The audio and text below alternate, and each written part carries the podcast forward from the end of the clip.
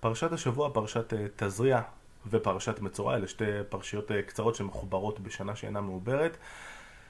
מותירה את הקורא המודרני מין תחושה כזאת לא נעימה. אה, כי מצד אחד, קודם כל הנושאים הנדונים אינם סימפטיים במיוחד.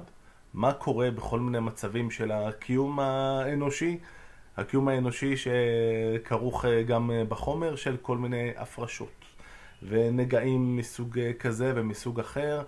אה, מה קורה, כמה, כמה זמן אנחנו טמאים, מה צריך לעשות כדי להיטהר אה, וכן הלאה. אז קודם כל זה לא סימפטי במיוחד. אה, דבר נוסף הוא שהמצוות האלה מאוד לא רלוונטיות לימינו. ההשלכה היום, אם מישהו טמא, זה לא ממש אומר שום דבר. אדם טמא עדיין יכול ללכת ולהתפלל, עדיין יכול ללמוד תורה וכולי.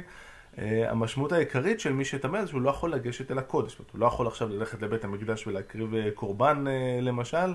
אבל אה, בעוונותינו בית מקדש אין לנו, אז זה לא נורא משנה. אז זה לא נורא משנה לקורא המודרני, כל עוד בית המקדש השלישי עדיין אה, לא פה. מצד שלישי, זה כן, אה, המצוות שנדונות כאן מרכיבות ברובן את סדר טהרות, שזה שישה סדרי משנה, הסדר הכי גדול. זאת אומרת, מבחינה הלכתית, מי שרוצה להתעמק בהלכה, כאן יש המון מה להתעסק איתו. אז יש המון מה להתעסק איתו, מצד שני זה לא ממש רלוונטי לחיים הרגילים. והסיבה השלישית שהקורא המודרני עומד מול הדבר הזה וקצת אה, חש נבוך, אה, זה שהנושאים אינם נעימים במיוחד. אף אחד לא רוצה להתעסק עם, הדברים האלה, מקווה שלא נהיה במצב הזה. אה, אבל, אבל יש כאן משהו אה, שחשוב אה, לעמוד עליו. אנחנו כאילו אומרים לעצמנו אה, היום, כשאנחנו חושבים על דת, דבר איתי על עיקרי אמונה, על מטאפיזיקה, האם יש אלוהים, מה היחס שלו לעולם, הוא כן רוצה להתערב בהיסטוריה או לא, באיזה מידה וכולי. אמ, מה קורה לגוף שלי בתוך כל הדבר הזה, זה כאילו מין משהו שהדת לא אמורה להתעסק בו. אבל זו ממש לא ההשקפה של המקרא. כן, יש הפרדה מסוימת בין גוף אה, לנפש, כולנו זוכרים את הסיפור בבראשית, איך נוצר האדם, אלוהים לוקח אה, קצת עפר ומפיח בו רוח חיים.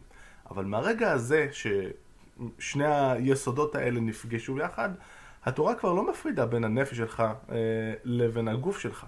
אתה זה אתה ואתה המכלול של הדברים. יש כאן משהו מאוד ריאלי. אה, אני נזכר, ב... היה את הבית כנסת שגדלתי בו ליד uh, מחנה יהודה, uh, והיו שם כל מיני טוב, פוסטרים כאלה על הקירות, כל מי שהיה בבית כנסת ספרדי לפחות מהסגנון הישן מכיר את זה, ואחד הדברים שהיו שם בין כל, ה... בין כל המנורות המצוירות והכל, הייתה שם איזו אמירה, תפילה בלי כוונה כגוף בלי נשמה. שזה נשמע נהדר, ועליי זה כמובן מאוד השפיע, אבל... אתם לא תמצאו כזאת אה, אמירה אה, איפשהו בתורה, אוקיי? כאילו אין, אין מין דבר כזה. כאילו ברור המצווה היא שלצורך העניין שחייבים להתפלל, אף אחד לא אומר אה, עד שלב די מאוחר יחסית שצריך גם להתכוון. זאת אומרת שיש את האפשרות שכולנו, כל מי שהתפלל מכיר אותה. אתה יכול למצוא את עצמך באמצע תפילת שמונה עשרה, כשאתה מבין שכבר שתי דקות חשבת על דברים אחרים לחלוטין. אה, הרעיון הזה של אה, עקרונות אמונה, אוקיי? של, רגע, מה העיקרים באמת של היהדות?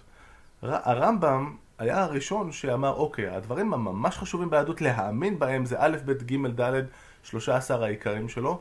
את זה הוא עושה לקראת שנת 1200. היהדות הסתדרה יפה מאוד, המון שנים, בלי שאף אחד יגדיר בדיוק מה נורא חשוב להאמין בו. אמ, והתפיסה הריאליסטית הזאת של התורה שלא מהססת אה, להתייחס גם לגוף וגם למופעים הפחות נעימים שלו, יש בה איזה משהו שהוא קצת מבלבל אותנו כקוראים מודרניים, אבל אני חושב שיש בזה גם משהו שיכול לרענן את התפיסה שלנו.